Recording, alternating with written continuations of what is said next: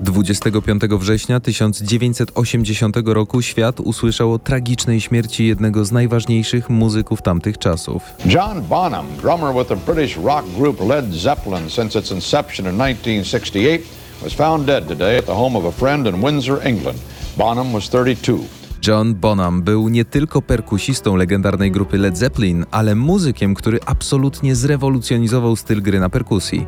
Udowodnił, że perkusista to nie tylko ktoś, kto siedzi za bębnami i nadaje rytm, utrzymuje tempo, ale to ktoś, bez kogo żaden zespół nie miałby racji bytu. Słuchając bębnów Bonama zauważamy jeszcze jedno. Ten gość miał niesamowitą charyzmę i swój styl, którego nikomu nie udało się już nigdy powtórzyć. Mówiąc szczerze, nikt nawet nie zbliżył się do jego brzmienia. Dziś przypomnę historię człowieka, który nadał charakter kawałkom Led Zeppelin i odszedł zdecydowanie za szybko, bo w wieku zaledwie 32 lat.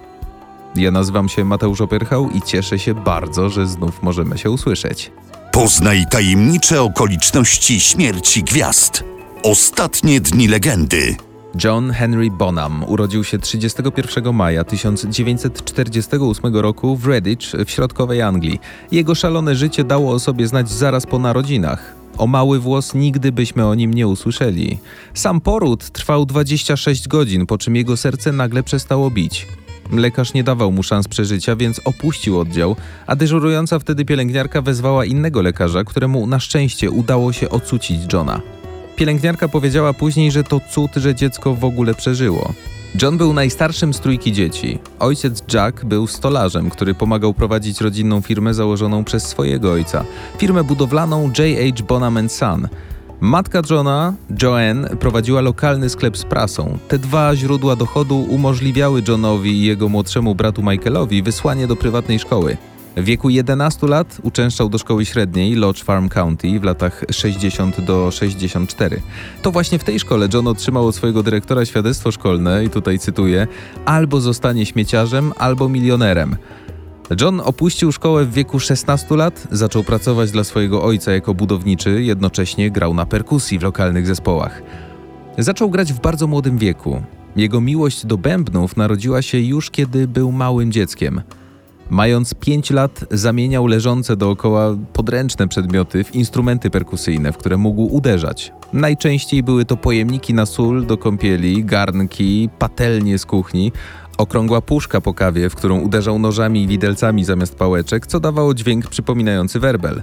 W wieku 10 lat mama Joanne kupiła mu swój pierwszy prawdziwy sprzęt perkusyjny – Właśnie werbel, najważniejszy element zestawu perkusyjnego. Chociaż zakup zestawu dla nastolatka może być niepokojącą decyzją dla każdego rodzica, bo po prostu to jest głośne, rodzice Johna wiedzieli, że ich synek ma prawdziwą pasję do nauki gry na instrumencie. John otrzymał od nich swój pierwszy pełny zestaw perkusyjny w wieku 15 lat. Zresztą e, wspominał potem w wywiadach, to był prawie prehistoryczny zestaw. Większość z elementów była zardzewiała. Kiedy słuchamy kawałków Led Zeppelin, czy oglądamy nagrania wideo w internecie, podziwiając grę Bonama, jedno z pierwszych spostrzeżeń, ten gość potrafił naprawdę mocno uderzyć w bębny. Tak było od zawsze. Z reguły y, właśnie dlatego, że był po prostu silnym człowiekiem pracującym na co dzień na budowie. Taki miał styl i tak lubił. Zauważał to też jego kolega z sąsiedztwa, z którym w dzieciństwie spędzał bardzo dużo czasu. Gary był kilka lat starszy od Johna i grał już z orkiestrami, interesował się też big bandami i jazzem. John poznał Garego po raz pierwszy, pojawiając się pewnego dnia przed jego domem i przedstawiając się. Nazywam się John Bonham, jestem perkusistą i nie mam nic przeciwko samochodom. Olcock wspomina: Nigdy nie dawałem mu lekcji, siedzieliśmy w pokoju z pałeczkami i podkładką do ćwiczeń i pokazywałem mu kilka rzeczy. Pamiętam jak grał na jednym z moich werbli, a ja mówiłem, na litość boską, John, weź to spokojnie. Myślałem, że przebije go na wylot. John Bonham słuchał muzyki bez przerwy, w radiu i z płyt. Oczywiście na początku był zakochany po uszy w rodzimych kapelach z Wielkiej Brytanii, z czasem zainteresował się nawet jazzem, choć zawsze to rock grał mu w sercu najgłośniej. W wieku 15 lat grał w kapeli The Blue Star Trio. Często też chodził na rozliczne jam sessions, gdzie mógł spróbować swoich sił z innymi muzykami. Kiedy wychodzili na przerwę, podchodził prosto do lidera zespołu i mówił mniej więcej to: Twój perkusista nie jest zbyt dobry, pozwól mi spróbować, a pokażę ci jak się gra. Wsiadał za bębny i wszyscy robili wielkie oczy. W wieku 16 lat John pierwszy raz nagrał utwór w profesjonalnym studiu z zespołem. Kapela nazywała się The Senators, kawałek She's a Mod. She's a mod, she's a mod, she's a mod, yeah, mod, she's a mod, yeah, yeah. She's a mod, she's a mod. She won't change anymore. She's a mod, she's a mod, she's a mod, yeah, yeah, yeah, yeah. She's a mod, she's a mod, yeah, yeah. She's a mod, she's a mod. She won't change anymore. W roku 68 John Bonham był już kimś w Redditch. Wszyscy wiedzieli, że jest najlepszym perkusistą w okolicy. Wyróżniał się połączeniem siły, wytrzymałości, techniki i prezencji scenicznej. Uwielbiał grać głośno i mocno, łamiąc po drodze wiele bębnów. Często przekraczał limity głośności, odcinał zasilanie. Doprowadzało to do zakazu ponownego grania w wielu miejscach, po prostu miał bana w wielu pubach. Bonham często dołączał do zespołów, by potem szybko je opuścić i to w bardzo krótkim odstępie czasu. Gdy tylko dostawał lepszą ofertę, rezygnował z kapeli, z którą akurat był związany i rozkładał bębny u kolejnej. Wkrótce dostał ofertę życia. W tym samym roku, 68, John podróżował po Wielkiej Brytanii z amerykańskim piosenkarzem folkowym Timem Rose. Na jednym z koncertów pojawili się gitarzysta Jimmy Page i menedżer Peter Grant. Poszli do klubu Hampstead w północnym Londynie w lipcu 68, by zobaczyć na własne oczy, jak John radzi sobie za bębnami i przede wszystkim, by go posłuchać.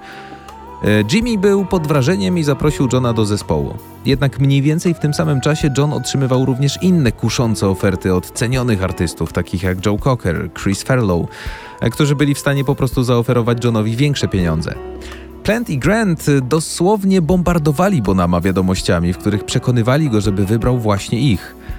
Bonham ostatecznie zdecydował się przyjąć propozycję Granta, dołączając do zespołu na początku września 1968 roku. I tak rozpoczął się najważniejszy rozdział w muzyce rockowej.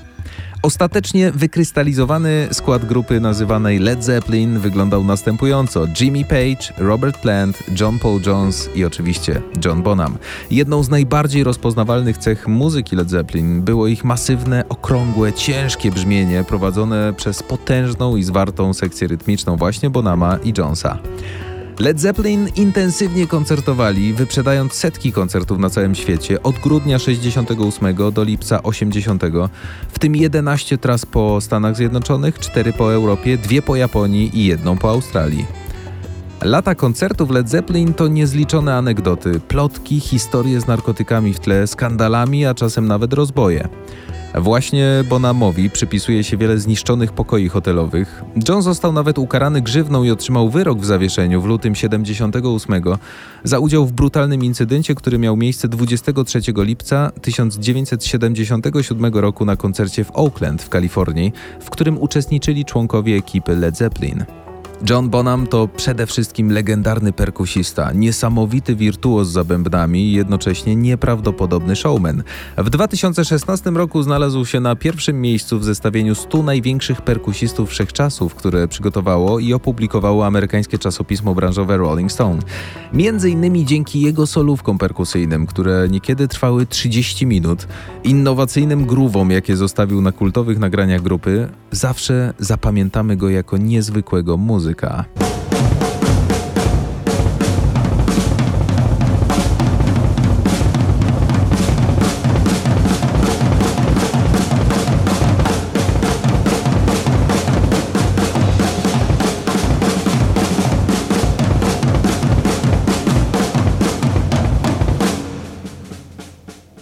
Dla Johna zawsze najważniejsze było to, co w danej chwili przekazuje swoim fanom ze sceny. Muzyka była zawsze na pierwszym planie. Wydaje mi się, że w tych czasach widownia, i nie mówię tu tylko o dzieciakach, bo przecież na nasze koncerty przychodzą ludzie w różnym wieku, oni przychodzą, by posłuchać, co grasz, a nie tylko, by na ciebie popatrzeć. Pamiętam, jak chodziłem na Beatlesów, e, przychodziłem, by ich oglądać, a nie słuchać. Dzisiaj nieważne, jak wyglądasz, ważne, jak grasz. And today, it- it's not what you are; it's what Yes. you're playing. John Bonham oprócz grania na bębnach miał też inne pasje. Finansowy sukces pozwolił mu pielęgnować swoją miłość do zabytkowych samochodów i motocykli. Do końca 1970 roku zebrał 21 zabytkowych samochodów, które przechowywał w Old Hyde Farm, swojej wiejskiej posiadłości, gdzie mieszkał z rodziną. Bonham był genialnym perkusistą, kolekcjonerem kultowych maszyn, duszą towarzystwa, cudownym człowiekiem, z którym każdy chciał spędzać czas. Nazywano go nawet w towarzystwie Teddy Bear. W tym wręcz idealnym życiorysie miał też największego wroga alkohol. Kiedy się upijał, był zupełnie innym gościem. Tak wspominali go w wielu dokumentach przyjaciele. Był wtedy głośny, kłótliwy, nie dało się dojść z nim do porozumienia, a co najgorsze, nie umiał przestać pić. I wreszcie dochodzimy do tragicznego roku 1980. We wrześniu wszyscy czterej członkowie Led Zeppelin rozpoczęli próby do swojej pierwszej od 77 trasy po Ameryce Północnej, która miała rozpocząć się 17 października w Montrealu w Kanadzie. Próby odbywały się w pobliżu domu Jimmy'ego Page'a w Windsorze, gdzie przebywał zespół. Dzień przed śmiercią John pił nieprzerwanie przez 12 godzin. Szacuje się, że przez cały dzień od południa do północy wypił około 40 kieliszków wódki. Zalecane w Wielkiej Brytanii maksymalne spożycie napojów alkoholowych dla mężczyzny wynosi 3-4 kieliszki na dzień. W ciągu dnia pił nawet w drodze z hotelu na próbę, potem w studiu sięgał po jeszcze więcej. Późnym wieczorem zespół zdecydował się przerwać próbę i wszyscy udali się do domu Jimmy'ego Page'a Old Mill House w Windsorze. Około północy Bonham stracił przytomność na sofie. Asystent położył go do łóżka, by ten odpoczął i wytrzeźwiał. Położył go na boku i wsparł poduszkami. Nazajutrz, 25 września 1980 roku, tour manager Benji Lefevre i basista John Paul Jones znaleźli Johna nieprzytomnego na tym samym łóżku. Karetka została wezwana rano natychmiast po odkryciu ciała Bonama, ale było już za późno, aby cokolwiek zrobić. Policja również przybyła do domu Jimmy'ego, ale nie zidentyfikowano żadnych podejrzanych okoliczności. John Bonham nie żył. Sekcja zwłok z 27 października wykazała, że w ciągu 24 godzin Bonham wypił około 40 kieliszków, czyli prawie 1,5 litra wódki, po czym zwymiotował i zakrztusił się. Nie znaleziono w jego ciele żadnych innych narkotyków. Według magazynu Rolling Stone, Bonham niedawno przezwyciężył problem z heroiną i w chwili śmierci przyjmował nieokreślony lek na depresję. Szczątki Bonama poddano kremacji, a jego prochy pochowano 12 października 1980 roku w kościele parafialnym Rushock w Worcestershire. Jak przyjęliście informację o śmierci Johna Bonama? Tragicznie. Myślicie, że Led Zeppelin mogą dalej grać? Mogliby, ale na pewno nie będą tacy sami. Będzie ciężko zastąpić Johna Bonama, był jedyny w swoim rodzaju. To fani muzyka, którzy zjawili się na jego pogrzebie. Chcemy, aby było wiadomo, że utrata naszego drogiego przyjaciela i głęboki szacunek, jakim darzymy jego rodzinę, wraz z poczuciem niepodzielnej harmonii odczuwanej przez nas i naszego menadżera, doprowadziło nas do decyzji, że nie możemy kontynuować zespołu takiego, jaki tworzyliśmy. Podpisano Led Zeppelin. To komunikat prasowy z 4 grudnia 1980 roku.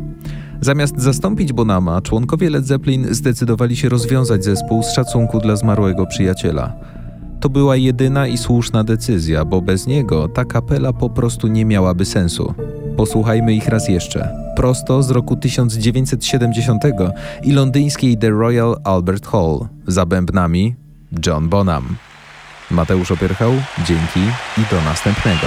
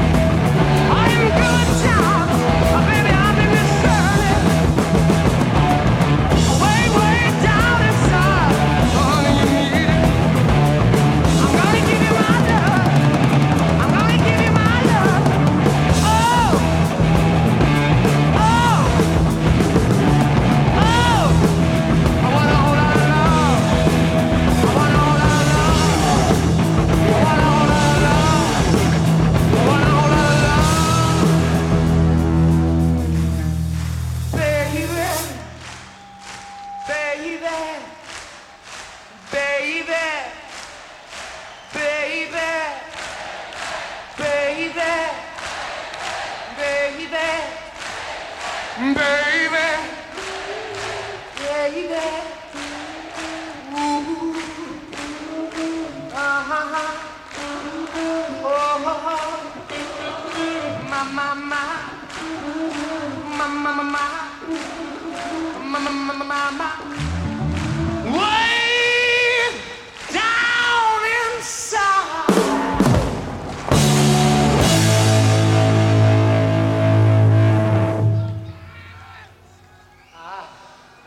Woman, you need.